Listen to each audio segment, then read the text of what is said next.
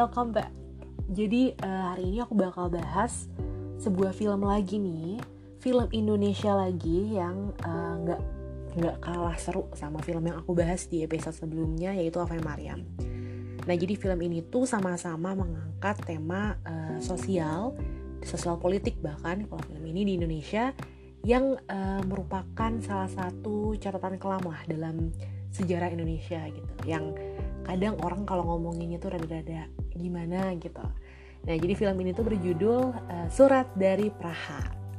Film ini sendiri merupakan uh, film besutannya Angga Dwi Masa Songko gitu yang merupakan um, sutradara yang sudah malang melintang lah ya di dunia perfilman Indonesia gitu di mana karya-karyanya sudah banyak banget dikenal masyarakat secara umum gitu. Ada uh, kayak filosofi kopi gitu satu sama dua. Mungkin kalian udah pernah tahu juga terus film uh, Jelangkung 3 terus Hari untuk Amanda.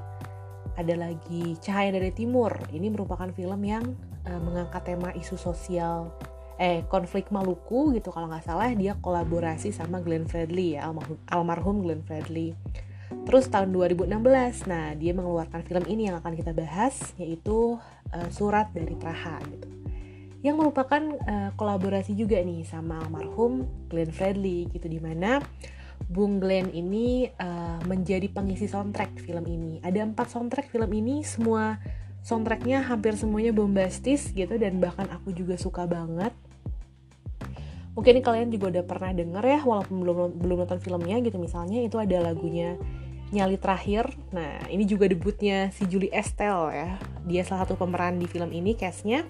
Dia menyanyikan lagu ini gitu. Dia jadi singer di lagu ini Nyali Terakhir. Ini lagunya enak banget. Kalian harus cari juga nih ya nyali terakhir by Glenn Fredly itu bagus banget. Terus yang kedua lagu Sabda Rindu. Itu juga top banget. Kalau kalian denger ya biasalah. Glenn Fredly dengan segala kegalauan gitu ya almarhum. Semoga diterima di sisi yang Tuhan yang Maha Kuasa gitu karena beliau karya-karyanya luar biasa sekali. Tapi uh, ada lagi dua soundtrack yang mungkin aku um, tidak sesuka yang kedua pertama tapi sama-sama bagus. Yaitu judulnya untuk sebuah nama dan menanti arah gitu Nah, mungkin kita langsung aja uh, ngomongin sinopsis ya, seperti yang dilakukan di review-review um, sebelumnya gitu. Jadi, uh, film ini tuh menceritakan tentang uh, seorang wanita yaitu si Julie Estelle. Namanya di sini memerankan uh, Larasati ceritanya. Dia ini punya seorang ibu gitu, yaitu Sulastri yang diperankan oleh Widiawati di mana si ibunya ini ceritanya lagi uh, sekarat gitu di rumah sakit. terus si Julie Estelle nih ya, kalau dari filmnya tuh kelihatan banget hubungan sama ibunya tuh kurang baik gitu. Dari si ibunya masih sakit di rumah sakit yang ditanyain minjem surat tanah dong kayak mau dilelang gitu. Parah banget emang. Tapi nanti bakal terjawab nih. Nanti aku bakal bahas di plot juga kenapa si Julie Estelle sampai kayak ke ibunya tuh gitu banget gitu ya, ibu kandung stega banget. Nah, terus uh, suatu hari ibunya meninggal gitu, meninggal dunia Lalu datanglah kalau nggak salah pengacaranya gitu. Untuk membicarakan mengenai e, gimana nih e, prosedur pengambilan warisan gitu. Karena kayaknya ngebet banget nih si Julie Estelle ya ingin mengambil warisan gitu. Padahal dia anak satu-satunya dan anak kandung gitu ya kayak rada-rada aneh gitu. Yang dikejar warisan bukannya nangis sedih gitu. Terus ternyata pengacaranya ngomong gitu kamu tuh pasti dapat warisan 100% orang anak satu-satunya.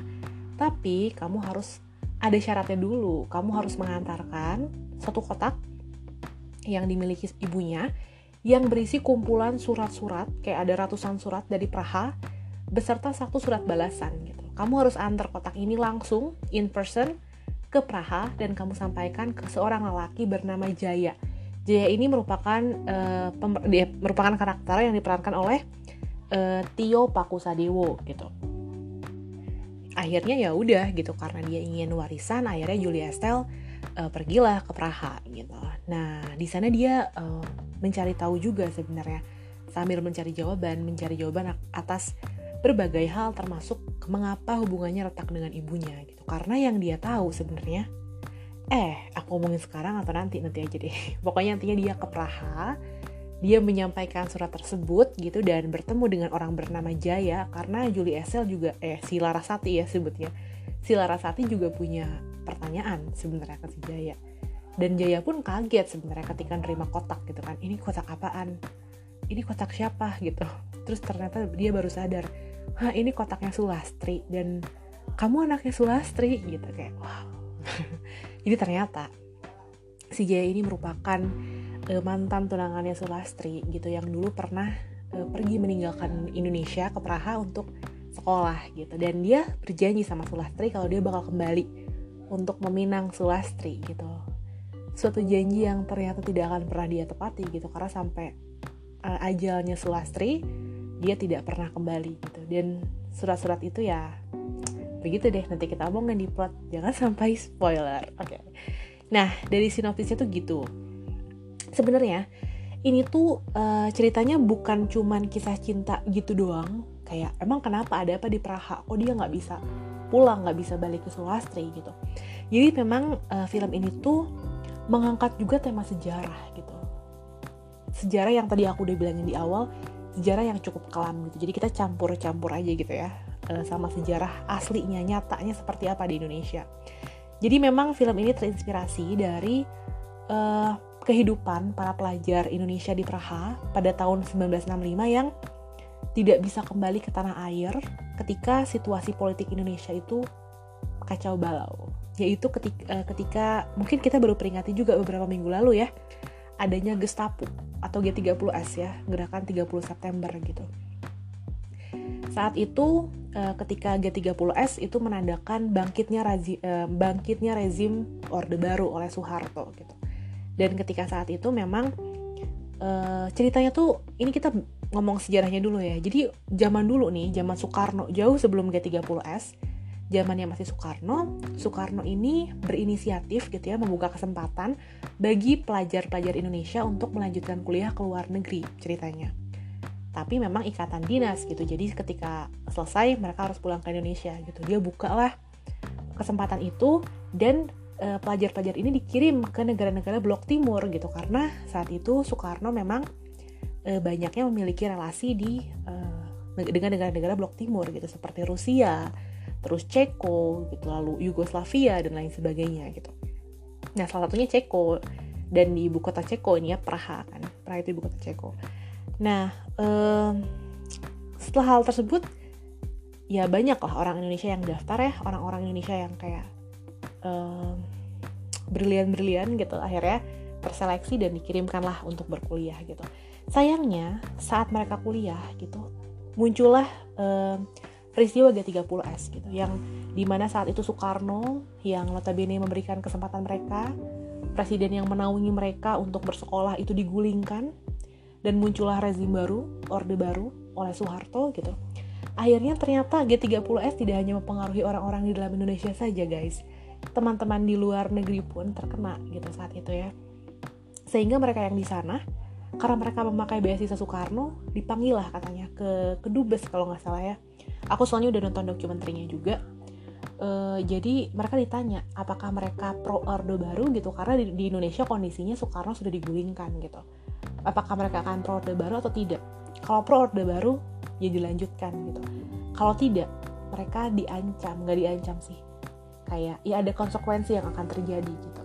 Nah orang-orang muda di sana kan mereka biasanya yang ngelanjutin tuh kalau nggak salah banyaknya anak-anak S1 ya. Jadi kayak umur 20 awal umur kayak 19 akhir gitu. 19 akhir.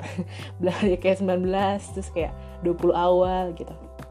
Akhirnya mereka dengan semangat idealisme tinggi mereka tahu kalau rezim orde baru itu sangatlah totaliter eh uh, kayak totaliter aku pun punya kata apa ya karena rezim orde baru itu ya tahulah seperti apa gitu. Akhirnya um, iya ya oh salah nih aku sorry ini anak bukan anak politik. Pokoknya sangat otoriter lah kayak otoriter terus rezim militer juga kan. Akhirnya um, mereka memilih untuk tidak setuju gitu. Beberapa beberapa memilih untuk men, um, bersikap saya tidak akan saya tidak setuju dengan rezim orde baru gitu. Akhirnya mereka itu dicaplah pelajar-pelajar di sana karena mereka bersekolah di negara komunis menjadi pelajar-pelajar yang jangan-jangan mereka antek-anteknya G30S gitu. Jadi mereka kayak seakan-akan ya kalau aku baca di berbagai artikel mereka dicap sebagai komunis gitu.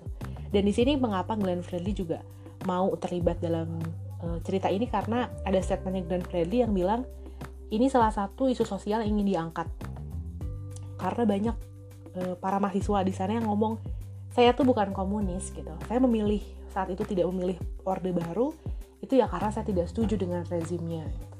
Mereka tidak komunis sama sekali. Saya mungkin pro Soekarno gitu cuman ya bukan berarti kita komunis dong menolak orde baru. Justru mereka tidak mau rezimnya seperti itu. Mereka inginnya demokrasi gitu. Ya tapi yang terjadi adalah uh, pelajar di sana diambil paspornya tidak ada paspor mereka menjadi stateless tidak bernegara.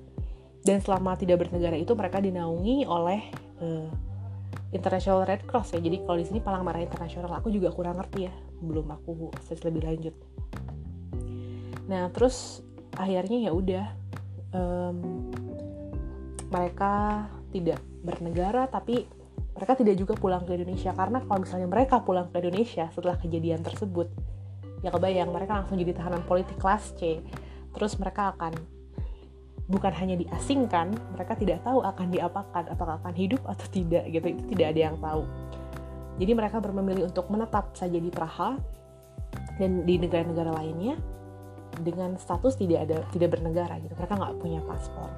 Tapi uh, kalau dari dokumenter kalau kalian mau nonton juga ada ini kisah nyatanya di namanya Nastapa dari Praha buatan CNN gitu um, mereka akhirnya melanjutkan sekolah dan lulus dari sana gitu. Tapi sayangnya ada yang kalau di cerita ini si Jaya nih ceritanya dia lulusan kimia nuklir. Dia lulusan kimia nuklir ini balik lagi ke cerita ya yang uh, ininya fiktifnya. Tadi kan faktanya ini yang enggak fiktifnya. Si Jaya ini lulusan kimia nuklir yang ketika lulus dari Praha dia tidak bisa bekerja karena dia stateless mungkin ada beberapa regulations di sana yang tidak memungkinkan orang yang stateless untuk bekerja. Jadi pada akhirnya si Jaya ini di cerita ini dia hanyalah menjadi seorang tukang bersih bersih ya di di berbagai tempat gitu. Salah satunya kayak hall gitu kayak tempat pertunjukan. Ya dia di situ gitu. Akhirnya dia dia sempat ngomong juga kan ke Julie Estelle sempat marah gitu saat itu kayak saya tuh lulusan kimia nuklir gitu nggak mudah. Dan lihat saya sekarang jadi apa gitu. Kejadian itu merenggut berbagai kehidupan di sana gitu begitu. Jadi ya sedih juga lah. Kayak gitu. Jadi itu sinopsisnya. Uh, dan latar belakang ceritanya seperti itu. Memang agak agak dramatis ya aku juga nontonnya wow gitu. Kalau aku nggak nonton film ini nggak akan aku kepikiran 330S bakal pengaruhnya sampai luar negeri gitu. Kayak kayak gitu. Nah sekarang kita ngomongin positif sama negatif film ini ya. Gitu. Sebelum kita lanjut ke pembahasan plot walaupun tadi aku udah curi-curi dikit takutnya spoiler tapi nggak kok insya Allah nah positif sama negatifnya film ini. Jadi um, film ini memang secara sinematografi tidak semencengangkan si Ave Mariam atau My Stupid Ghost 2 gitu ya. Yang gimana gitu hmm, pengambilan-pengambilan gambarnya kayak menurut aku B aja biasa aja gitu. Justru karena mungkin titik beratnya ada di cerita. Terus kata-katanya pun tidak seperti Ave Mariam yang puitis gitu. Ini kata-katanya lebih kayak kehidupan sehari-hari aja dialog antara Julie Estelle gitu ya dengan si waduh ini keras gak sih? Aku tidak bisa mengontrol suara mohon maaf. Antara Julie Estelle dan Tio Pakusadewo antara si siapa tadi? Aku lupa namanya. Larasati dan Jaya gitu ya. Jadi lebih menekankan kedua orang ini sebenarnya uh, gitu. Jadi konflik antara mereka gitu. Julie Estelle yang mempertanyakan kenapa kehidupan dia jadi aneh sama ibunya tuh ternyata kayak karena si Jaya. Jaya juga mencoba untuk cerita kalau situasi saya tuh nggak mudah gitu. Saya tuh kayak gini saya tuh eksil di Praha. Eksil tuh orang yang diasingkan di Praha karena situasi orde baru di Indonesia gitu. Konflik antara dua itu jadi udah cukup berat. Jadi menurut aku uh, ceritanya sudah sudah oke okay lah gitu untuk mengcover uh, pengambilan gambar yang biasa-biasa aja gitu. terus di film ini uh, yang kedua poinnya yang poin yang kedua adalah diliatin sih Praha yang indah itu bisa cukup dingin dan menyedihkan ya bagi setiap orang bagi beberapa orang gitu. Karena ya si Jaya kan pada akhirnya dia sendirian di Praha dia tidak menikah gitu ya. Praha yang kota yang cantik gitu. E, ketika dilihatkan di, di film itu di malam-malam tertentu sepi dan dingin ya. Karena si Jaya itu sendirian meratapi nasib dia gitu. Yang puluhan tahun seakan-akan direnggut dari dia dia nggak berkarir nggak bisa punya mendapatkan cintanya di Indonesia juga nggak bisa dia ketahan di Praha gitu. Jadi ya cukup miris melihat Praha. Tapi aku tetap jadi pengen ke Praha sih melihat film ini.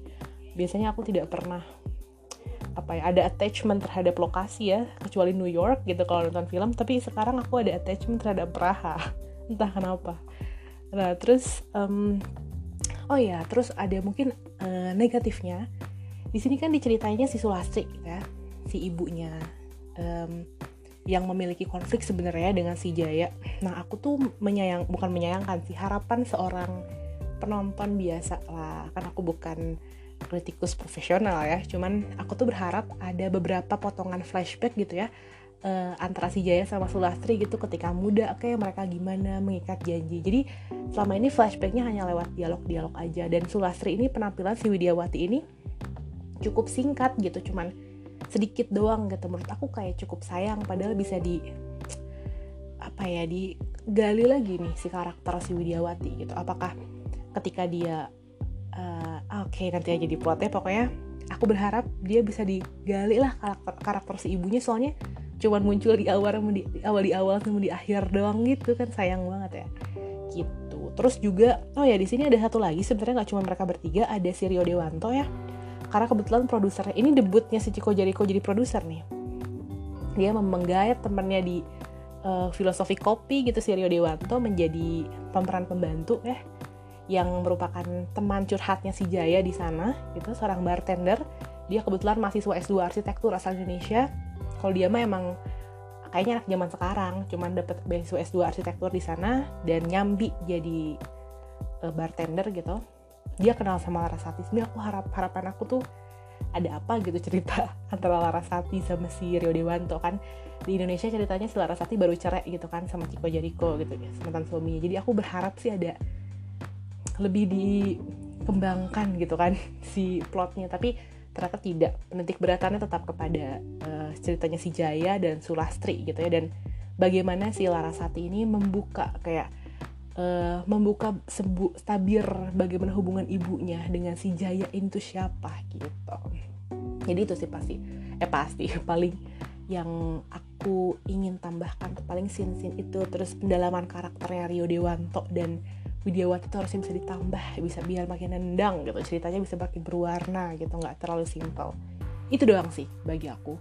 Sisanya nggak ada masalah semuanya oke-oke aja walaupun shotnya nggak begitu estetik tapi tercover oleh ceritanya yang menurut aku unik banget. Apalagi oke okay, ada satu scene satu scene lagi jadi uh, kalau orang si Angga Dwi Sasongko di salah satu uh, konferensi pers bilangnya ini merupakan kisah cinta uh, antara si Jaya dan Sulastri yang uh, diambil latarnya itu dari um, yang ini ya si Praha tahun 65 itu. Maksudnya kayak latarnya diambil dari sejarah tapi cerita utamanya adalah kisah cinta Sulas dan Jaya gitu. Tapi kalau bagi aku tuh kebalik aku ngelihatnya ini tuh kayak mau menceritakan tentang uh, kejadian di Praha tapi dengan bumbu cinta Sulastri dan Jaya gitu ya itu mah gimana orang sih ngelihatnya hmm, bagi aku seperti itu aku mengambilnya.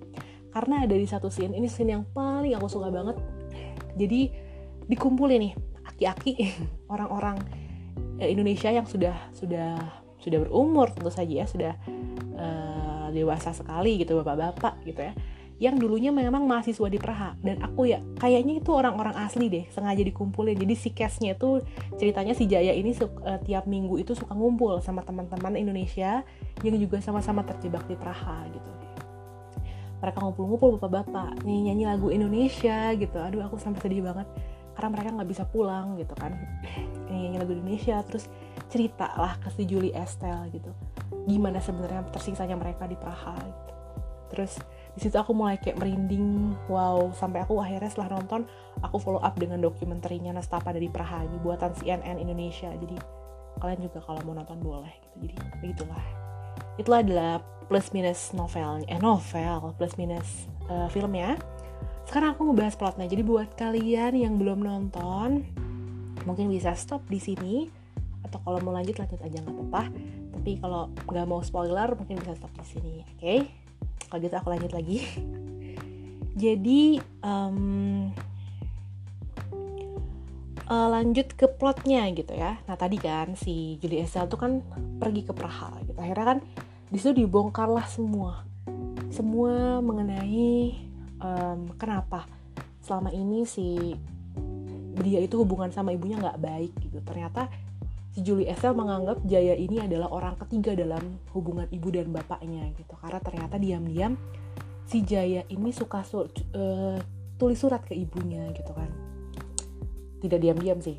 Jadi dia meninggalkan si Sulastri kan begitu saja saat ke Praha tapi dia si Sulastri sih mungkin berharapnya masih terus dikontak ya masih terus dikontak-kontakan. At least kontak-kontakan ya sih walaupun jauh gitu. Tapi kok si Sulastri mikir aku nunggu di Indonesia nunggu si Jaya kuliah di luar negeri kok nggak ada kontak lagi ya? Gitu. Sampai katanya Sulastri tuh sempet apa bengong mulu kan di depan jendela nungguin suratnya si Jaya tapi tidak kunjung datang gitu. Ternyata si Jaya melakukan itu semua akhirnya dia reveal ke Julie Estelle kenapa gitu. Karena dia takut kalau dia ngirim surat ke Sulastri nanti pemerintah Indonesia bisa nge-track gitu nge-trace uh, si um, surat tersebut gitu dan mikir oh jangan-jangan nih si Exil kan dia udah dapat label Exil dong di Praha gitu ya. Orang Indonesia yang tidak pro Soeharto pasti jangan-jangan dia aduh suaraku. Jangan-jangan dia ini surat-suratan sama orang namanya Sulastri di, di Indonesia jangan-jangan Sulastri ini konco-konconya gitu. Jangan-jangan dia juga salah satu antek-antek G30S nah si Jaya nggak mau Sulastri um, kena itu gitu. Karena dia mikir mungkin dia terlalu complicated lah dia terlalu bermasalah untuk berhubungan dengan Sulastri. Tapi masalahnya itu berlanjut sampai tahun 98 jadi ternyata kekangan kekangan kekangan di mahasiswa-mahasiswa Praha itu berlanjut dari tahun 65 sampai 98 sampai rezim Soeharto turun baru mereka boleh ke Indonesia lagi. Bayangin parah banget ya. Nah makanya di cerita ini juga diceritain ya mau gimana gitu. Nggak mungkin dia melindungi Sulastri nah Sulastri akhirnya kan mikir kali ya nggak mikir sih kayaknya kalau nggak salah siapa ya ibunya apa yang e, menyuruh Sulastri untuk menikah. Pokoknya kan dia pasti mikir ya kan life must go on gitu. Masa dia mau nunggu orang yang nggak ada kabar gitu. Akhirnya e, dia menikahlah dengan bapaknya si Julie Estelle gitu. Yang tampaknya mungkin saja ganteng ya karena menghasilkan anak seperti Julie Estelle ya.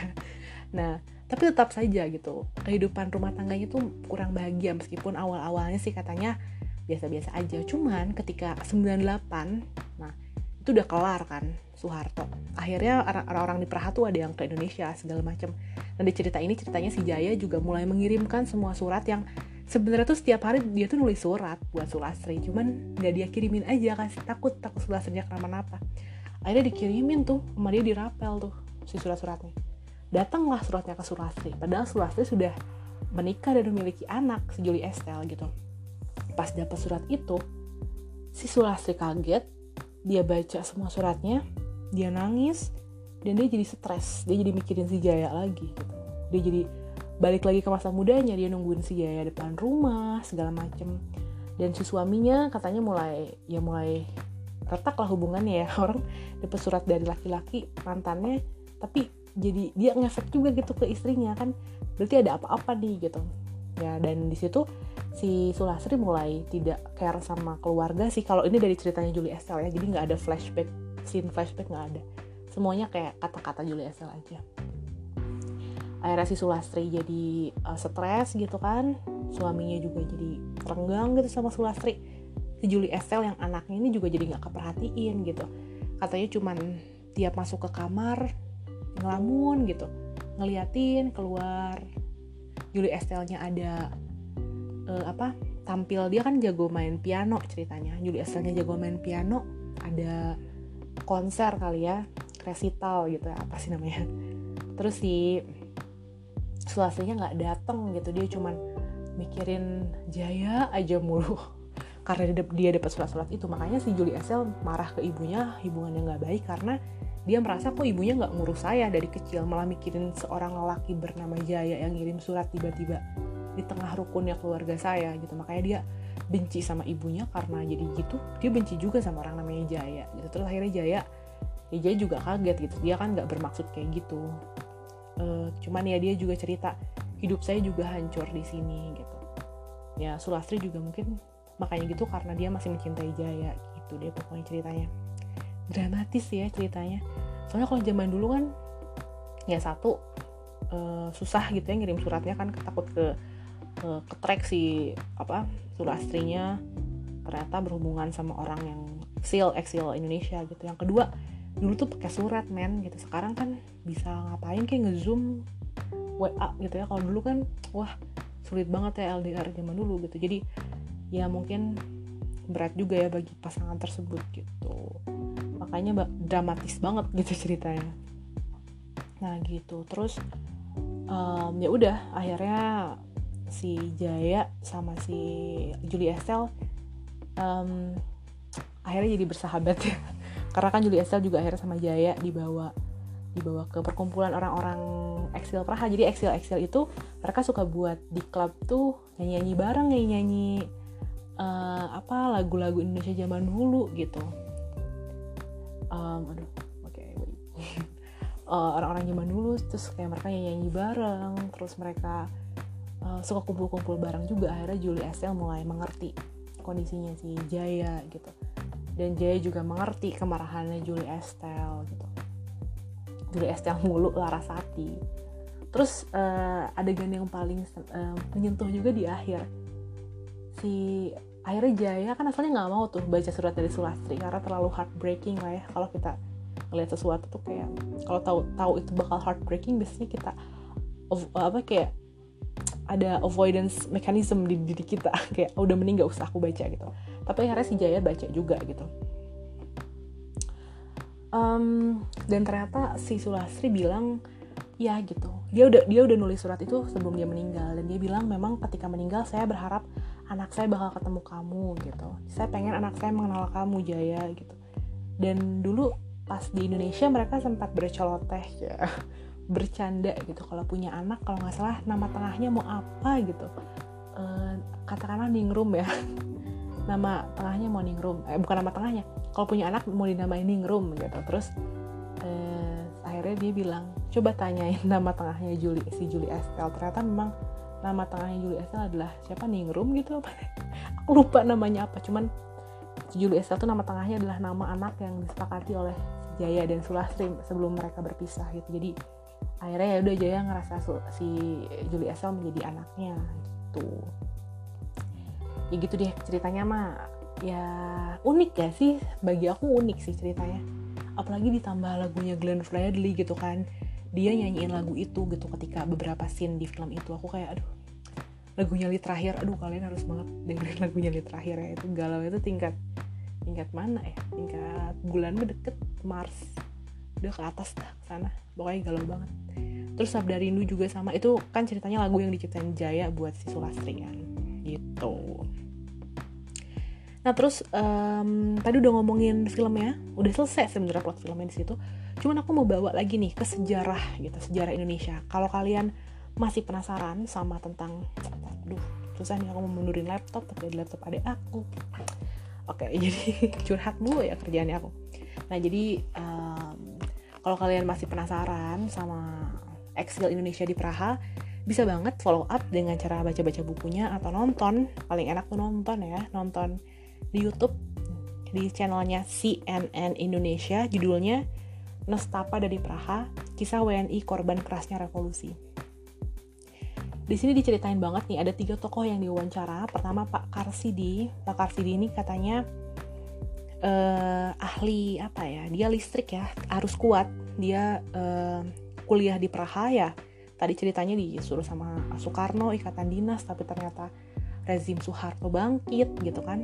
Terus dia harus stay di Praha gitu. Nah kalau dia tuh e, beruntung karena dia mendapatkan pekerjaan di suatu perusahaan di sana. Ini udah kisah nyata ya kalian bisa tonton ini Pak Karsidi di sini. Terus dia dapat pekerjaan di sana tapi sayangnya karena dia um, pekerjaannya itu proyekan jadi harus pindah-pindah negara gitu. Kadang ke Austria kadang ke mana-kemana dan harus punya paspor dong otomatis ada visa. Schengen meren ya kalau di kita eh kalau sekarang. Nah tapi ya dia kan nggak punya dia stateless dia nggak punya paspor. Jadi itu sulit juga buat dia gitu.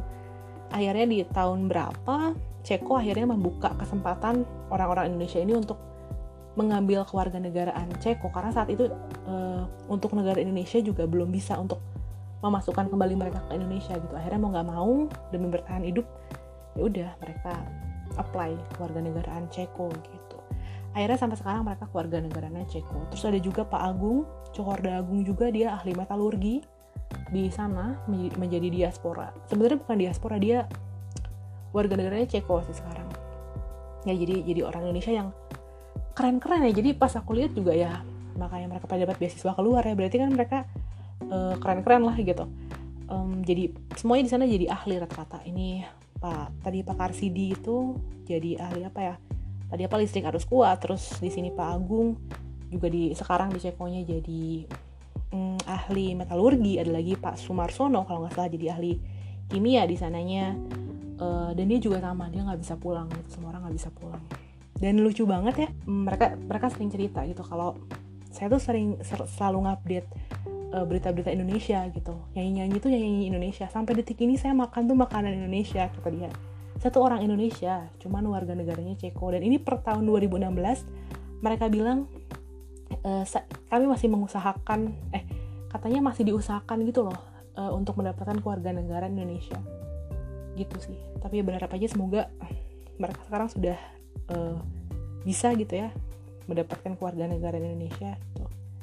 karena uh, aku juga sempat baca di buku uh, bukan buku nih aku um, dia kayaknya review buku saya belum eh aku belum baca bukunya Exil 65 jadi dulu tuh uh, bapaknya Sofan Sofian Sofan Sofian ini suaminya si Widiawati Widiawati ini yang meranin si ibunya siapa tadi Sulasri itu dulunya kedubes di Rusia kan Rusia juga sama ya selain Praha di Rusia juga sama kayak gitu kondisinya. Dan si kedubesnya juga ngerasa kasihan gitu ke ke orang-orang Indonesia ke mahasiswa-mahasiswa Indonesia yang masih muda. Mereka harus melalui hal tersebut tapi mau gimana gitu? Nggak bisa dong kedubesnya tiba-tiba ngasih gitu aja orang. Dia juga bagian dari pemerintah gitu kan. Jadi katanya si kedubesnya juga nggak tega sebenarnya tapi mau gimana gitu? Titah dari pemerintah seperti itu um, terus juga akhirnya mereka karena dulunya beasiswa diputus tuh beasiswanya. Dan mereka harus kerja kasar jadi katanya setelah kuliah mereka harus masuk pabrik. Jadi buruh kasar di sana demi me, uh, menghidupi hidup, uh, kehidupan mereka gitu. Itu ya sedih banget ya sebenarnya. Gitu. Terus apalagi ya? Terus oh iya terus mereka juga nanya nih ada yang Suarsono yang ahli kimia itu dia nanya kemarin saya lihat katanya Jokowi ini kan 2016 ya udah Jokowi. Uh, Jokowi masuk katanya kata teman saya kata kata rekan saya masuk di di G20 ya. Indonesia kan masuk G20 ya. Salah satu negara dengan pertumbuhan ekonomi 20 terbesar di dunia ya kalau nggak salah G20 itu. Nah terus uh, dia nanya ke ke si reporternya itu bener ya? Gitu. Terus uh, si reporternya kayak ngomong iya bener. Wah bangga sekali saya gitu. Jokowi saya bangga bangga sekali dengan Indonesia sekarang. Berbeda sekali ketika saya meninggalkannya gitu. Dia kayak genuine gitu loh si um, happinessnya tuh. Aku kayak ngelihatnya oh sedih banget. Di dia juga masih mencari-cari uh, apa berita-berita Indonesia gitu. Jadi ya begitulah. Soalnya kebayang banget ya aku kalau misalnya jadi posisi mereka gitu tiba-tiba dipaksa untuk eh, nggak uh, boleh pulang gitu meninggalkan semuanya dengan sekejap. Itu kan seketika ya. Bukan sesuatu yang kita plan gitu. Nggak kita nggak nge-planning kita bakal stay di sana lama. Kita mikirnya bakal balik tapi tiba-tiba harus di sini gitu. Nggak bisa pulang. Mereka ninggalin semuanya. Keluarga. Bahkan kalau di film si Jaya keluarganya meninggal dia nggak bisa pulang. Dia cuma bisa nangis sendirian gitu. Dan dia literally sendirian karena cintanya cuma sama Sulastri. Jadi di sini pun dia sendirian. Itu sedih banget sih menurut aku ya kebayang kalau di posisi itu. Tapi ya apa ya? Ya kalau kalau kata salah satu di Suarsono itu bapak aduh semoga nggak salah ngasih nama ya tadi di tadi di apa namanya? Dokumenternya aku lupa tulis namanya tapi nanti lihat aja pokoknya bapak yang ahli kimia itu ngomong ya mau gimana? gitu. Semua negara yang mencapai kemerdekaan akan melalui fase-fase ini gitu, untuk mencapai suatu kemakmuran lah gitu jadi memang ya mau dibilang menyesal ya dia sedih sih. Sebagian hidupnya direnggut dari dia begitu saja tapi ya mau gimana itulah hidup. Iya sih kita nggak bisa menentukan ya. 100% hidup kita gimana tuh bukan bukan mau kita. Jadi hidup kita tuh cuma ngejalani doang gitu ngejalani doang. Jadi ya gimana ya hidup di mereka juga ya udah jalannya seperti itu gitu. Nah semoga sih ke depannya Indonesia walaupun sekarang ada omnibus law gitu kan ada covid juga semoga ke depannya tidak tidak mengalami hal-hal yang seperti ini lagi gitu ya. Meskipun sekarang juga teman-teman aku banyak yang cerita um, susah sekali ya kayak um, antar negara banyak yang nggak bisa pulang ke Indonesia gitu. Gara-gara covid atau yang keluar negeri jadi nggak bisa. Uh, terus jangankan itu ya antar kota aja ada yang dibatasin banget gitu sekarang ya. Uh, aku jadi kampus nggak semua orang bisa masuk kan sekarang. Jadi ya uh, tapi kan at least tidak separah di Praha ya masih mendapatkan uh, apa ya tunjangan dari misalnya dari kantor dari kedubes dari mana gitu kan. Kalau sekarang kalau ini kayak ekstrim banget gitu ya diputusnya tuh putus negara gitu. Bahkan di filmnya ceritanya kan si Julie Estelle kerampokan rampok kena rampok kan. Paspornya hilang tuh diambil sama rampoknya sama duit duitnya diambil. Terus si Jaya ini nganterin ke kedubes eh kedubes ke KBRI gitu. Terus uh, dia nggak mau masuk loh. Jaya itu masih trauma dia nggak mau masuk ke KBRI silakan kamu masuk saja gitu. Mungkin dia ingat bagaimana paspornya dilepas begitu saja dari dirinya. Hmm, gitu. Jadi uh, segitu aja dulu review dari um, surat dari Praha. Memang filmnya agak ngap aku nontonnya ngapnya karena ya aduh melihat uh, kondisinya melihat situasinya ngebayangin itu diri aku gitu. Membayangkan di posisinya si Sulastri membayangkan di posisinya si Jaya gitu kayak sama-sama sulit ya juga gimana ya itu kalau di sana. Jadi ya semoga tidak terjadi pada kita semua ya. Semoga semuanya menjadi baik-baik saja ke depannya. Tidak akan pernah terjadi seperti ini lagi amin. Oke segitu aja yang bisa aku bahas. Terima kasih sudah mendengarkan thank you for listening. Semoga nanti ke depannya aku bisa bahas banyak film-film lagi. Kalau weekend kayaknya nanti soalnya ternyata makin sibuk ya hidup ini. Oke okay, jadi thank you for listening. Uh, see you in the next podcast. Bye bye have a nice day